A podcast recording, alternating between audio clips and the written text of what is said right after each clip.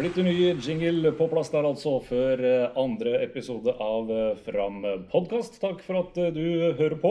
Det setter vi veldig stor pris på, ikke minst alle tilbakemeldingene vi har fått etter den første episoden. Fortsett med det, og gi oss fortsatt stjerner på den podkastspilleren du bruker, hvis ikke du har gjort det ennå. Vi setter pris på alt av tilbakemeldinger. Og denne gangen her har vi også vært så heldige at vi har fått inn en del lytterspørsmål. Og det setter vi pris på. Det må dere også fortsette med på Instagram, der hvor dere finner oss. Gjestene i dag det er to som jeg nesten vil kalle veteraner allerede. Dere er jo noe så sjelden som eh, gutter som spilte her på Fram i fjor også. Erik Nordengen og Andreas Braumur, eh, velkommen, og takk for at dere ville stille opp. Jo, tusen takk. Jo, takk for det. Det, Føler dere sjøl at dere er veteraner, eller er en, to av totalt bare fem som er igjen fra, fra fjoråret? Ja, det blir jo på en måte det. Eh, det er jo, ja, det var, vi er vel fem stykker som er igjen, så Eller har vi gått ned til fire nå? Ja, det er fem stykker, tror jeg. Det er oss to, og så er det Marius, Anders og Gulla. Ja, ja. så, så kom Adrian inn. Så nå er vi jo seks fra fjoråret. Det er faktisk seks stykker fra fjoråret. Ja. Ja. Det, ja, det er vel fram sine veteraner, det. Ja, det, det er det. det. Ja, vi tar på oss den. Ja, det gjør vi. Føler dere noe ekstra ansvar med det, eller? Føler dere sjøl at uh, ja, her må vi steppe opp litt og ja, sørge for at de nye gutta kommer i, godt inn i gjengen? Og... I begynnelsen kanskje, ja. Men uh, For da er det jo ikke rart, for da var jo det såpass mange nye. Men da alle de som har kommet inn, har vært med på å, å bygge opp noe nytt, da så, det, så, den ansvaren der, det hadde vi jo i, i hvert fall den første uka og sånn. Men de som har kommet inn, er jo fantastiske, fine folk. Og sosiale på sine måter, da. Alle forskjellige energier. Så det har hjulpet at vi har klart å bygge noe sammen, da. Så er det jo noe nytt med oss òg. Det er jo nye spillere, nytt trenerteam, hele pakka. Så det var jo nytt for, for, for oss òg, som var her i fjor. Mm. Så vi føler jo ikke at, er, at vi drar det noe videre. Vi har jo begynt på nytt, vi også, så det er ja. Gjør det noe med motivasjonen? Fordi vi, vi, må jo Vi skal ikke dvele lenge med det, men vi må vel touche litt innom uh, fjorårssesongen, som ikke akkurat var noe høydepunkt i uh, Frams uh, nyere historie. Nei, det er klart at det, det, var tungt etter sesongen i fjor. Vi var selvfølgelig skuffa over det vi hadde levert. og det jeg vet i hvert fall Personlig gikk jeg inn i november, desember og januar med en enorm motivasjon for å komme tilbake. og og det har gitt meg et løft, i hvert fall. Så føles det ut som det gjelder for de som var her i fjor, at vi har virkelig lyst til å revansjere fjoråret. da. Og vise at vi faktisk er gode fotballspillere, selv om vi ikke fikk vist det altfor mye i fjor. Ja. Det er Og så er det et mye bedre kollektiv i år, da. Det mm. er litt mer lag, føles det ut som. Ja. Og det er ikke noe stikk mot det vi hadde i fjor, for det var jo en veldig fin gjeng. Men nå er det, det er så mye fokus på det nå. At, det, at, vi skal være venner, og vi skal være den fine vennegjengen, for da funker det òg på banen. Er det noe, når, når, du har den på, på plass da, av banen, så blir det jo mye enklere å da formidle taktikken og sånn til en vennegjeng. da. Så jeg eh, har stoler på hverandre og har troen på hverandre. Jeg regner med at uh, Håkon Luna var en finger med i spillet rundt akkurat det, og, og sørger for at alle oppfører seg som en vennegjeng, da, kameratgjeng? Det er klart, eh, Håkon er jo ekstremt uh, dyktig på feltet, men, uh, og er, der er han veldig bestemt på hvordan det skal være. Men utenfor så er han også veldig opptatt av at vi skal trives i, i samholdet, og at det skal være en positiv og fin gjeng som, som har det bra i lag. For en, en, god kompisgjeng det bygger et godt lag og et godt kollektiv. Så da, og da er det mye lettere å kommunisere og, komme, og bare komme godt overens med hverandre. da. Ja. Noen av dere som uh, hadde hørt om Håkon Dunov før, visste hvem han var og hva han, hva han sto for? hadde han sagt. Der, uh... Nei, jeg hadde i hvert fall ikke peiling på hvem han var. Men han har jo den CV-en, da. Det er det han har. ja, det, jo, det, var jo ganske imponerende å lese når, når det først kom ut. Så det Nei, jeg, jeg, kjente i hvert fall ikke til han da. Nei, jeg som den idrettsnerden jeg er, så hadde jeg jo hørt om uh, Hadde hørt navnet, selvfølgelig. selvfølgelig. Uh, så men uh, det er jo noe annet å lese om det på, på, på papir og bli kjent i person. selvfølgelig. Det er jo, noe, det er jo to helt forskjellige ting. Skal gå litt uh, nærmere inn på det litt uh, seinere, tenker jeg. Først så tenkte jeg at vi skulle ja, Selv om dere har vært her et år allerede, og Fram-supporterne um, føler kanskje at de kjenner dere litt, men jeg tenkte vi skulle prøve å gå litt mer i dybden. og Starte med deg, Erik. Du har jo bl.a. en fortid i Rosenborg og, og Elverum. Rosenborg, der eh, var du med på å spille Uefa Youth League. Ja, det stemmer. Jeg fikk jo ikke altfor mye kamper, for Rosenborg-tida mi var prega av mye skader. Så jeg fikk eh, kun to kamper, men det var jo de to siste som var ordentlig kule. Da vi hadde Basel hjemme i jeg tror det var åttendels, og så var det vi CSKA Moskva borte i kvart. Så det var to veldig kule kamper. Og, og, gjennom egentlig alle årene jeg har vært der, så har vi jo møtt uh, de beste lagene i Europa, og vi viste at vi holdt absolutt det nivået. Så, så de jevnbyrdige kampene mot jevnaldrende var det artigste som var i den tida der. Og, og vi viste at vi beit ordentlig godt fra oss. Så bare videre til uh, Elverum, da seniorkarrieren tok, uh, tok litt fart. Mm -hmm. du, du jobba en stund som, som pizzabud, har jeg hørt? Er det... ja, stemmer. Jeg gjorde det første året mitt der, ja. ja. jeg gjorde det. Du hadde jo en, en trener i, i, Elverum som jeg har gjort litt research på her. Tore Fossum, ja. også kalt Dinosauren. Ok. Den speila jo litt på at han var litt gammeldags i, i tankemåte eh, og sånt, har jeg skjønt. Eh, og du da som eh, ung, kall det liten jypling inn i det Elverum-laget. Hvordan gikk det? Uh, nei, altså det gikk fint. Jeg har uh, alltid vært yngst, egentlig. Utenfra, eller, utenom Rosenborg, da, selvfølgelig. Uh, så det er ganske god til å adapte meg inn i et sånt miljø, egentlig. Men selvfølgelig, det var noe nytt å komme på et seniormiljø. Og, og klart, når du er en unggutt, så blir du kanskje gjerne litt den hoggestabben.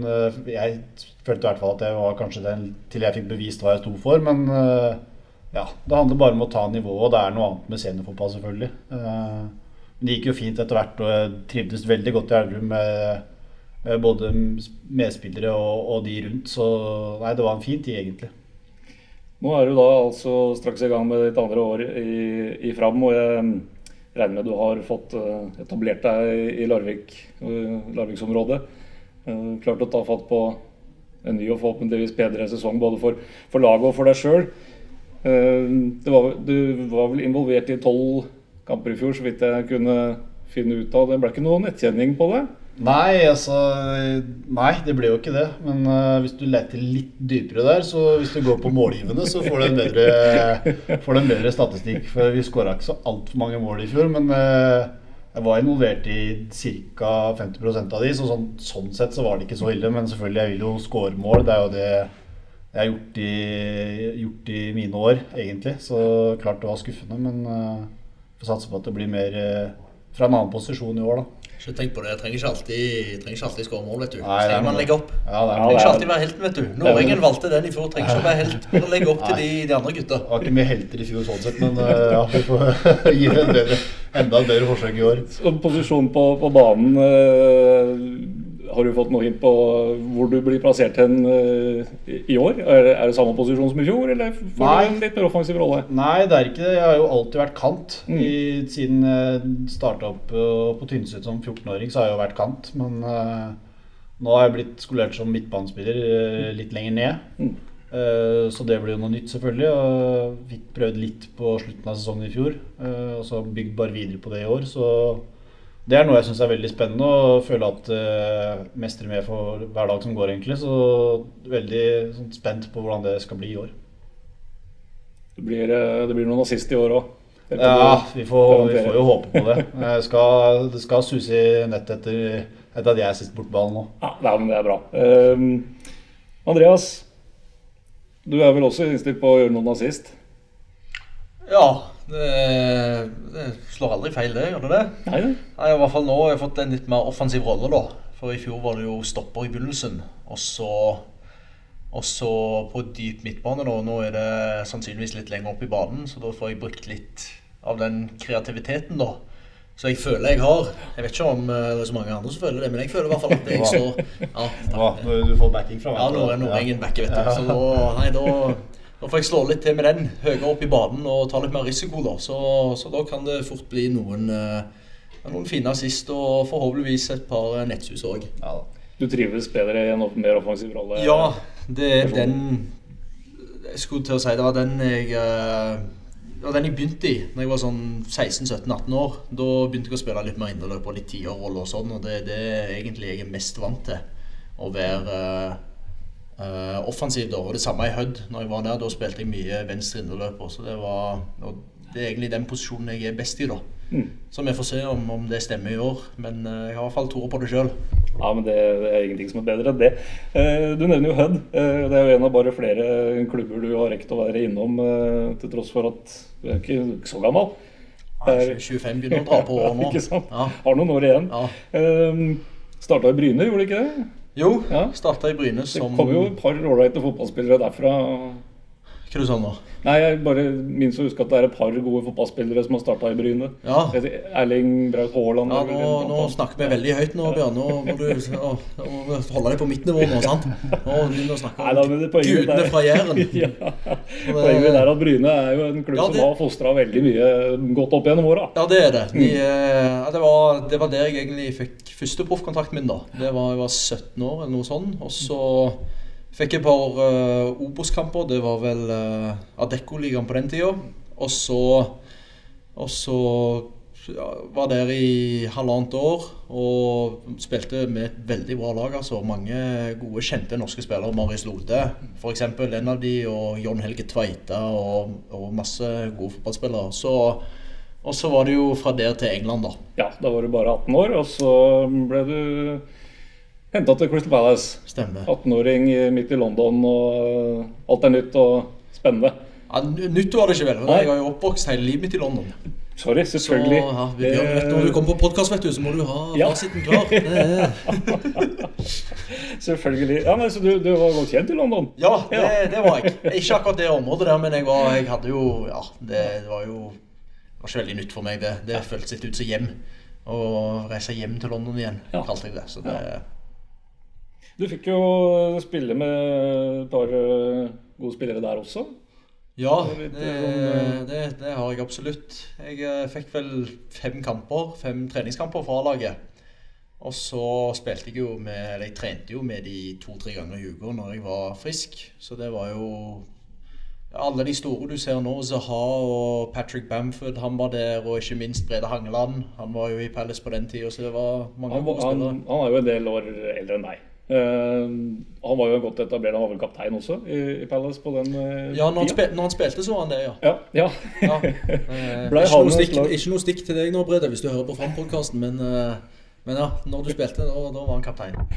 Ble han, I og med at han var en nordmann som allerede var godt etablert der borte, ble han en litt sånn fyr som du så opp til, eller hadde du noe kontakt med han på fritida, eller? Ja, det er jo selvsagt, da. Som en ung norsk fotballspiller så ser, tenker jo alle ser jo opp til en type sånn som Brede Hangeland, som har hatt så mange gode år i toppfotballen i, England, da.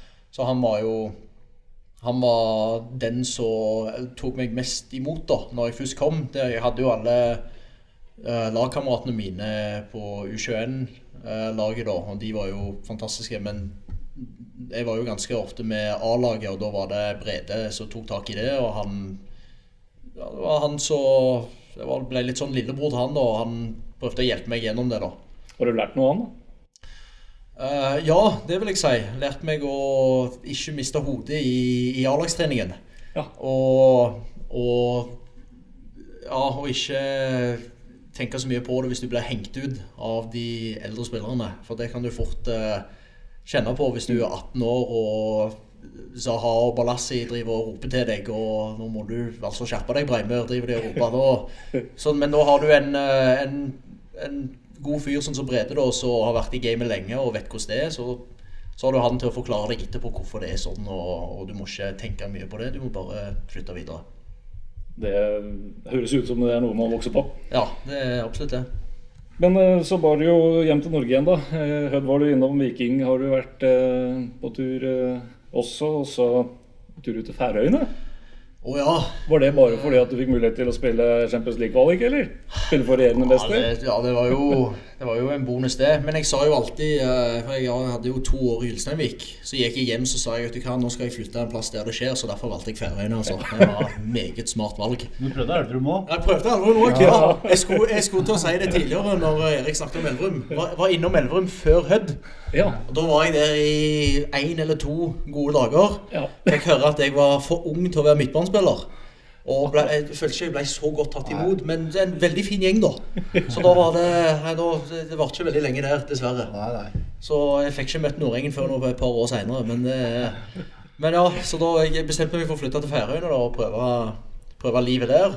Prøve å Ja, hva, hva heter det nå Se litt av verden, da. Ja. Jeg vet ikke om det er Jo, fint så mye å se der, men det var, det var i hvert fall nok. Og det var, det var veldig fint, men det var prega av masse skader. Så det ødela ganske mye for meg.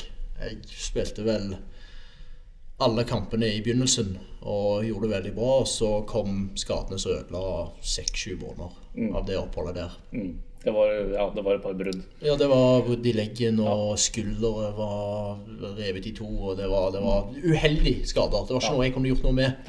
Det, var, det skjedde på banen, begge to. Så det Og så hadde jeg fått litt nok, da. Jeg ville, jeg ville hjem til Norge igjen og, og finne noe her når jeg var ferdig der. Det var liksom litt nedtur å få de skadene på, på et sånt sted. Det, er, det tar jo ja, 48 timer å komme seg hjem noen dager. Det er jo, ja, så det Med ferje og i det ja, det var alt- alt mulig. Det er, først så skal du kjøre forbi 100 000 sau, og så kommer du til en øde flyplass, og så er det Sitte og vente der i et par timer for fly, og så er det til Oslo, Bergen, hele pakken. Det, ja.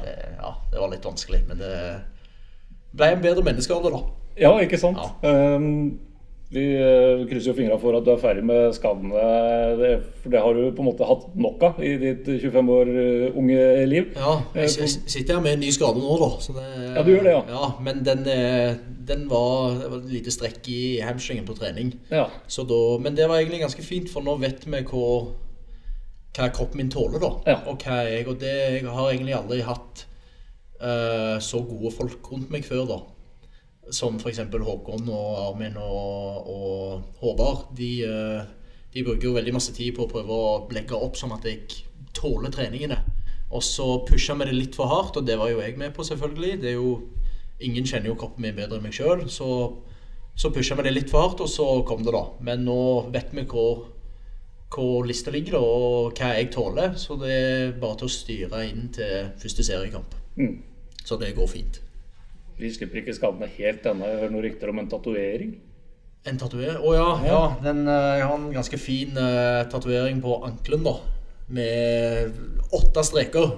Ja. Og det er, det er alle gangene jeg har vært uh, langtidsskada, da. Så det blir ikke en niende strek. Det gjør det ikke. Nei, for den er, det- ikke, den er ikke lang nok. Så. Ankelen er ikke, er ikke Den er ikke, det har ikke gått helt rundt ennå, nei. Nei, det har ikke gått helt rundt. Nei, det, det begynner å nærme Det seg. vi når lar det være med de åtte, tror Ja. jeg vi sier. Ja.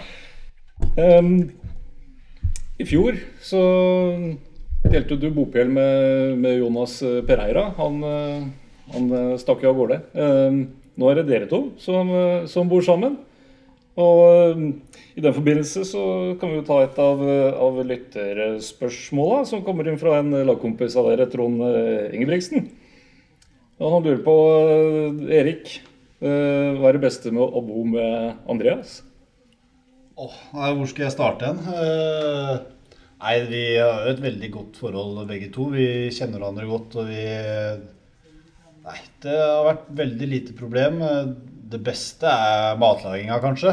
Men er meget bra på kjøkkenet. Så, så jeg føler vi er flinke der til å variere på, på mat og hvem som lager og hvem som uh, fikser og Nei, det er ikke, det er ikke mye ferdiglaga hos oss. Det Å nei. vi er glad i å kokkelere, og hver, hver dag når han kommer hjem fra jobb, så ser vi på Masterchef, så Andy får tatt seg en liten middags, middagslur samtidig Ja, før trening, og så, så lager vi noen snacks til kvelds. Hva er det typisk det går i Det er det som er litt gøy da med Andy, at han har jo bodd i England så mange år, så da er det litt retter derfra som ikke er så vant til den norske husmannskosten. Eh, Så det er det som er fint for min del, syns jeg, at, eh, at det er noe veldig mye nytt. Og så er det de mest mer klassiske greiene med mye pasta og, og chili og Ja, men det, er er ganske fin variasjon, føler jeg. Det er ikke Folk får litt sjokk når eh, plutselig vi gutter varter opp med en Ja, ja. liten finnbiff der til middagen. Og, og en god eh, Og heve litt rødvin oppi sausen og sånn. Det er ting som folk ikke helt forventer, da. Nei, nei. Så det, du vet når du har sett på Gordon Ramsay når han står og skriker 'It's fucking raw', så, så blir du ganske god til å lage mat, vet du. Etter, etter hvert. Ja, ja. Vi har jo bodd, bodd alene i mange år, så vi, det er jo en interesse. Så det, jeg tror vi syns det er gøy begge to. Og, så ja, matlaging, matlaging er kanskje det jeg trekker aller, aller uh, lengst. Det høres nesten ut som at det er en, en hobby.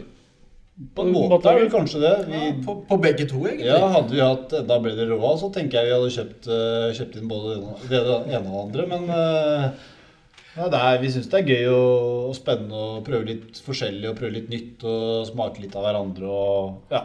Ja, Det, vi er glad i å invitere til selskap, og når det åpnes opp enda mer, så håper vi på å få tatt inn enda flere òg. Der redder du deg inn igjen med å si at det er når det åpner opp mer. Ja, ja. Ja. ja. vi gleder oss uansett til å se dere i Masterchef sesong 48 om eh, noen år. Ja, ja, ja. det skal bli gøy. Eh, signaturrett? Kan jeg spørre, er, Har dere en sånn rett som dere liksom Den er jeg sinnssykt rå på. Den er jeg god på. Jeg har en. Ja, Det er en eh, Jeg lager en type uh, Det heter chili beef. Og det er Det er bare vanlig kjøttdeig, da. Og så har jeg salatblader, og så lager jeg kjøttdeig med litt eh, chili og, og hvitløk og purre, og så oppi stekepanna, og så er det en, en god saus. Den vil jeg ikke gi vekk, for den, eh, den skal jeg holde for meg sjøl. Den, Ja, den- den er fin, den. Ja, den er nydelig, den sausen der. jeg kan gå god for den. Ja, Så det er bare til å komme til Skolestredet 15, og så får du den der sausen. Da skriver jeg ned det. Skolestredet 15, og så møter jeg opp når koronatiltakene er eh, Da må jo du ta, du må ta andre veien. da. Ja, spørsmålet, spørsmålet for, Ja. fra Trond det fortsetter, og, og det går til deg òg, Andreas. Men da var spørsmålet hva det er som er det verste med å bo med, med Erik. Og det var, det var mitt spørsmål, det. Ja, spørsmål. Det verste? Ja, Hva er det verste med å bo sammen med Erik? Um, jeg vet ikke ja, Nå må jeg grave dypt her for å finne noe. Det er ikke så veldig mye jeg kan tenke på som er verst. Ja, du- Jo, jo, jeg, jo, jeg har en ting. Jeg vet ikke om det er litt sensitivt. Jeg har en ting. Hår. Ja, Han er jo verdens verdens mest hårete 23-åring, så det er jo Det, det detter jo både ut fra manken og fra skjegget og hele pakken, så det, av og til så blir det litt hårrester i dusjen og sånn, men, det er- men det tåler vi. Klart må jo trimme, trimmes iblant. Og ja, vi kunne vært flinkere der. eh, der det kunne jeg. Men, men det er nok det verste òg, for jeg er kanskje litt misunnelig på det der fine skjegget. Så det, Ja, derfor, trekker jeg det som verst. Eh, Ved siden av matlaging så har jeg skjønt at dere har i hvert fall én annen eh, hobby. Så, for nå er jo situasjonen sånn at eh, man får ikke lov til å omgås med så mange. Da må man holde seg innafor de man bor sammen med. Og, og da, mm, ved siden av matlaging, så har jeg hørt at sjakk er, er det stor interesse for. Ja, det har blitt mer og mer.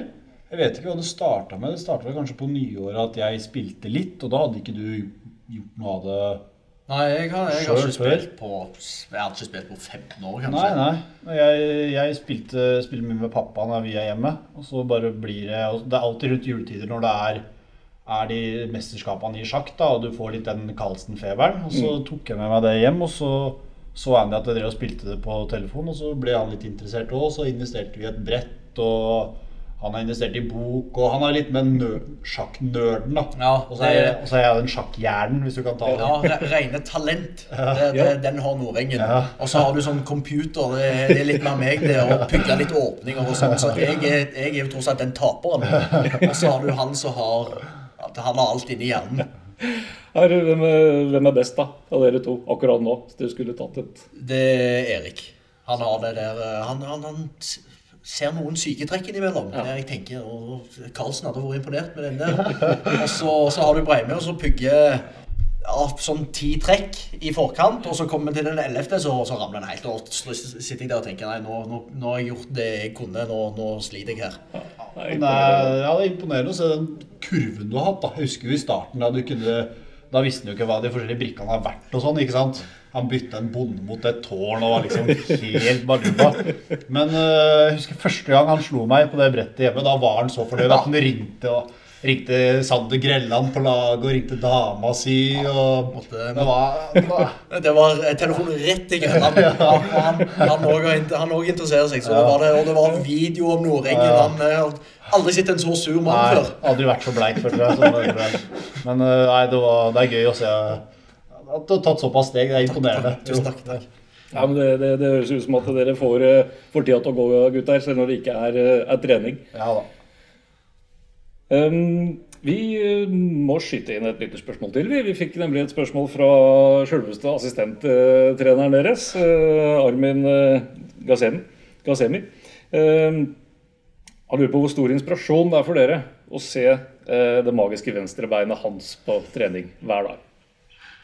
Ja, nå var det jo først i dag at han har vist fram det venstrebeinet sitt, og da kunne han ikke slå hardere enn eh, ja, så De der eh, seksåringene som starta et par i dag, de slo hardere, for han hadde så, han hadde så sykt vondt i lystkassa. Han, han hadde gått 8000 skritt i dag, så han var så fornøyd. 8000 skritt, det var altså seks runder med fullspeed golf, så det var ikke alt store, altfor store. Men han hadde visst gått så vanvittig mye. Han hadde så vondt i lysket, så han kunne jo ikke slå til med det venstre beinet sitt, Altså, som han hadde skryte opp. Så det Han var, skrytt av det før òg, det er ikke bare her i, i våre Ja, han, spørsmål. han, han sa en fin en til meg her om dagen. Det var fordi han drev og slo crossover til Marius, da. Og Marius skulle eh, øve på innlegg. Og det kom jo for så vidt fra venstresida, der kanskje jeg kommer til å spille litt i år. Og så sa jeg ja, men nå, nå gjør du egentlig det jeg kommer sannsynligvis til å gjøre, så da må du treffe, sa jeg til han. Så sa han ja, men ikke tenk på det. det er, jeg legger lista mye høyere enn det du gjør, Breimyr. Så det er bare til å se på denne magiske foten. ja, han har jo meldt at den er raskere enn Marius og Sjaft òg, hvis han har tatt litt noen kilo. Så nei, det, det han sender inn, det, det må bare stryke, for det er bare rør. Han snakker seg litt opp. Ja, det, ja. Ja, greit. Da stryker vi det. Ja. Um, vi eh, må jo litt over på, på denne treningshverdagen, da. Um, som vi er, eh, er inne i. Det, det er jo verdens lengste preseason eh, som det har vært, i og med at sesongen slutta så fryktelig tidlig eh, i fjor. Det har jo kommet inn nytt trenerteam, som vi har vært inne på.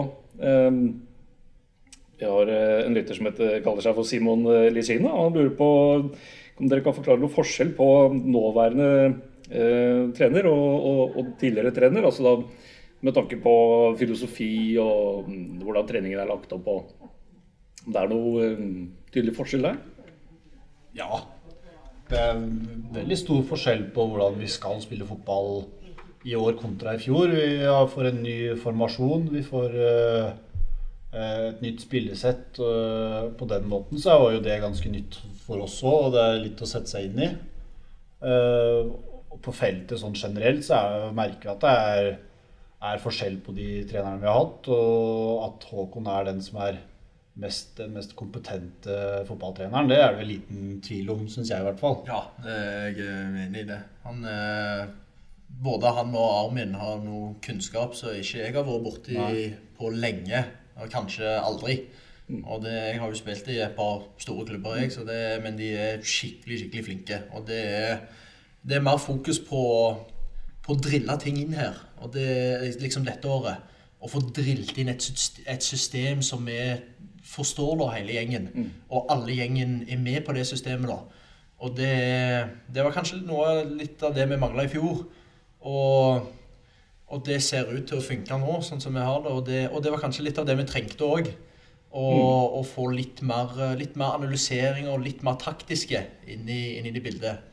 Det er jo det, det, det alle som kjenner Håkon og har med den, forteller om ham, at han er veldig analytisk i sin tilnærming til, til fotballen. og det, det, er, merker dere tydelig på, på treningen. Ja, bare sånn som vi hadde trening i dag, så hadde vi ti mot null. Og det er, altså, er det ikke bra nok, så får vi vite at det ikke er bra nok. Og det, og det setter jeg i hvert fall stor pris på, at, at det legges merke til. At eh, det skal gjøres ordentlig. Vi er ikke på banen så lenge. Når vi først er her, så skal det være, da skal det være 100% så at vi får noe ut av treninga. Det var kanskje der det mangla litt for mye i fjor. At det ble litt for statisk og, og lite variasjon. Og ja, møte opp, hilse og så dra. Eh, Men nå føler du virkelig at du trener og, og får utbytte av det vi faktisk øver på. Så jeg, jeg er sykt spent på at, uh, at det skal åpnes opp igjen når vi får faktisk testa ut det vi har øvd på mye nå i vinter. For det, jeg syns i hvert fall det ser veldig bra ut. Ja, det, jeg tror hele kollektivet har veldig tro på det vi holder på med. Og, det, og den forbedringen vi har hatt òg i løpet av bare disse få månedene, det er skikkelig kult å se. Og så tilbake på den analyseringen. Vi får jo Plutselig får vi tilsendt to-tre videoklipp så Håkon eller Armin har sittet langt ut på natta med og, og bare sånn individualisert til oss. Og det, det er jo det er sannsynligvis ikke så mange som får det i PostNord. Med hele forklaring og sånn. Så da, da slipper vi det òg. Det, det tar de av seg. Så slipper vi å sitte og bruke to timer på å tenke åh, jeg burde gjort det og det når jeg sitter og ser på det igjen. Så det, men med tanke på person og sånn, så er det jo De er jo kjernekarer begge to. Både Håkon og Roger som var her i fjor. Det er jo de fantastisk flotte mennesker begge to. Det er bare en litt annen Ja. kunnskapsnivå, kanskje. Og trenerfilosofi, rett og slett. Ja. Ja. Og sånn er det jo overalt. Jeg har jo hatt mange forskjellige trenere opp gjennom, ja, og er, ingen er lik. Sånn er det jo. Det er ingen spillere som er like heller, og det er helt naturlig. Og ja, det er veldig spennende hva som foregår her nå.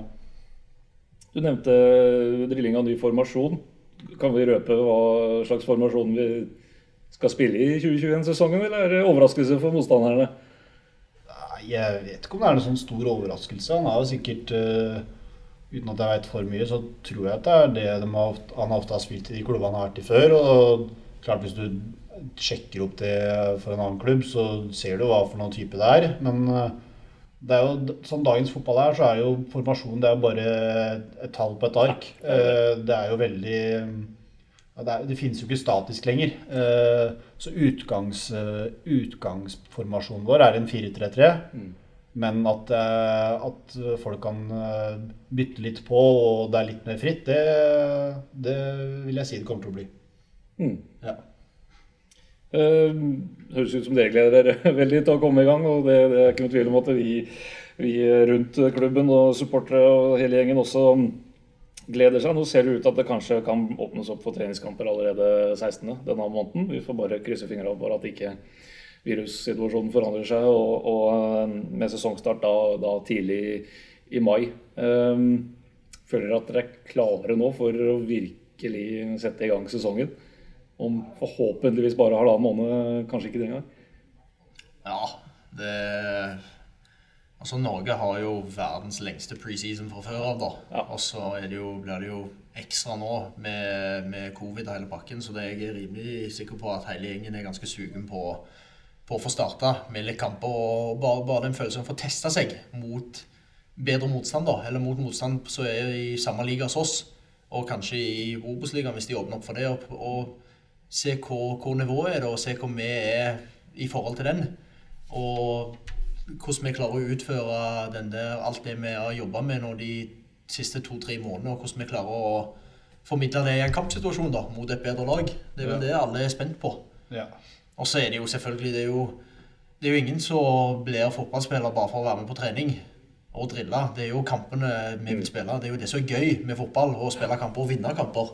Så det er jo det, er jo det alle og formen er eh, Ja, og, er- og kjenne at du, det, det flyter, og at du er der, ja. Ja. Kjenne på at du er litt nervøs før kamp. Mm. Eh, Det å ha på seg et, et draktsett eh, Klart, vi snakka om det i stad, det er veldig mange nye spillere. De har endelig Kanskje endelig har fått et navn eh, bakpå drakta. De spiller for en klubb der du veit at folk bryr seg. Det er, det er litt hele den pakka der òg som kommer til å, til å gi en ekstra boost da, inn, i, inn i hverdagen. Og det føler vi at vi trenger, trenger snart nå. For det har klart det har vært en lang eh, treningsperiode fra ja, november-desember til nå i april. Så klart det er et halvt år det, med kun trening. Eh, så ja, selvfølgelig blir det deilig å få testa seg mot noen andre, menn, noen andre fjes også. Ja. Gruppa vår eh, til Fram eh, i år består jo av veldig mange av de samme lagene som vi, vi møtte i fjor. Det har sikkert vært eh, mye spiller, spillerutskiftninger i de klubbene også, men eh, føler dere at dere på en måte kjenner litt til de lagene som vi skal møte nå, i og med at vi møtte dem i fjor? Kjenner litt, vet litt hvordan de spiller, Ja, er altså, litt forberedt på den? klart nå, ja, nå er blir det mitt fjerde år i andredivisjon, og det er jo ikke så veldig mange lag heller, så du begynner jo kjenne til eh, spillere og lag. Eh, så jeg er vel veldig kjent i, i Trønd Vi har Trøndelag-lagene f.eks. Uh, der kjenner jeg mye spillere, mye kompiser, og vet, eh, vet hva de står for. Og så har Andy mye kontakter eh, sørover og vestover. Oslo-lagene de er liksom der er det så mye utskiftninger fra år til år at der er det vanskelig å si hva som kommer. eh, Ja, eh, Ja. ja Oslo-lagene, det, det, det vet vi Jeg vet ingenting om de Oslo-lagene, men alt sør og vest og sånn, det har jeg ganske god kontroll på. Men det er bare jeg, Vi kjenner jo til guttene, da. Og, og spillerne. Vi kjenner, jeg kjenner ikke så mye til treneren og filosofien og sånn, men det gjør vel de to trenerne vi har, så det, det får de ta seg av. Så lenge dere er eh, komfortable med at de gutta dere spiller sammen med, eh, fungerer eh, godt som et lag, så har jeg tro på at dette skal bli en veldig eh, ålreit sesong, og, og i, i hvert fall bedre enn eh, fjoråret. Ja. Prøvde å, i forrige episode å lure ut eh, en målsetning eh, for sesongen av Håkon. Han var litt lunken på å gi meg det. Har dere personlig sett for dere en målsetning for hvor, hvor skal vi ende hen dette året? Nei, klart det er vanskelig å sette et sånn fast tall òg. Vi har jo ikke testa oss mot noen andre lag. Klart vi, vi føler vi trener bra, men det tipper jeg alle andre lag føler at de gjør også. Eh, så det er jo vanskelig. Vi har veldig mange nye spillere, mange som ikke har spilt på det nivået her før. Men vi er jo klart jeg er i hvert fall veldig optimistisk, og Andreas er optimistisk. Så men å sette et rent tall på hvor vi vil havne, det er vanskelig. Vi har ikke diskutert det verken som i fellesskap eller eh, Jeg har ikke gått inn for det sjøl heller, så det Jeg, jeg tror ikke det blir et tema heller. Nei. Nei, det for det er litt sånn ja, Hvis du setter Jeg husker en klubb jeg var i, da var det å sette sånn uh, månedsmål, da. Og det var jo ja, etter fire-fem kamper, da skal vi ha så og så mange poeng. Og hvis du har halvparten av de poengene, da, hva tenker du da? Hva skjer da? Nei, Da er det jo full kaos i klubben, vet du. Så det er jo Det er egentlig ikke så veldig mye godt som kommer ut av de målene, spør du meg. Nei. Det er klart vi kan ha mål personlig og som et lag, men det blir vel holdt mellom oss. Så får vi bare ha fokus på å gjøre det beste vi kan når det gjelder kampdagen. Og så gi alt for de tre poengene, da. Ja. Vi gleder oss i hvert fall enormt til eh, sesongen er i gang. Erik og Andreas, tusen hjertelig takk for at dere stilte opp i eh, Fram podkast. Takk til dere som hørte på. Husk på å abonnere på podkasten, og legg gjerne igjen en eh, stjerne eller fem, og gjerne også en kommentar. Til neste gang så får dere ha det riktig så bra.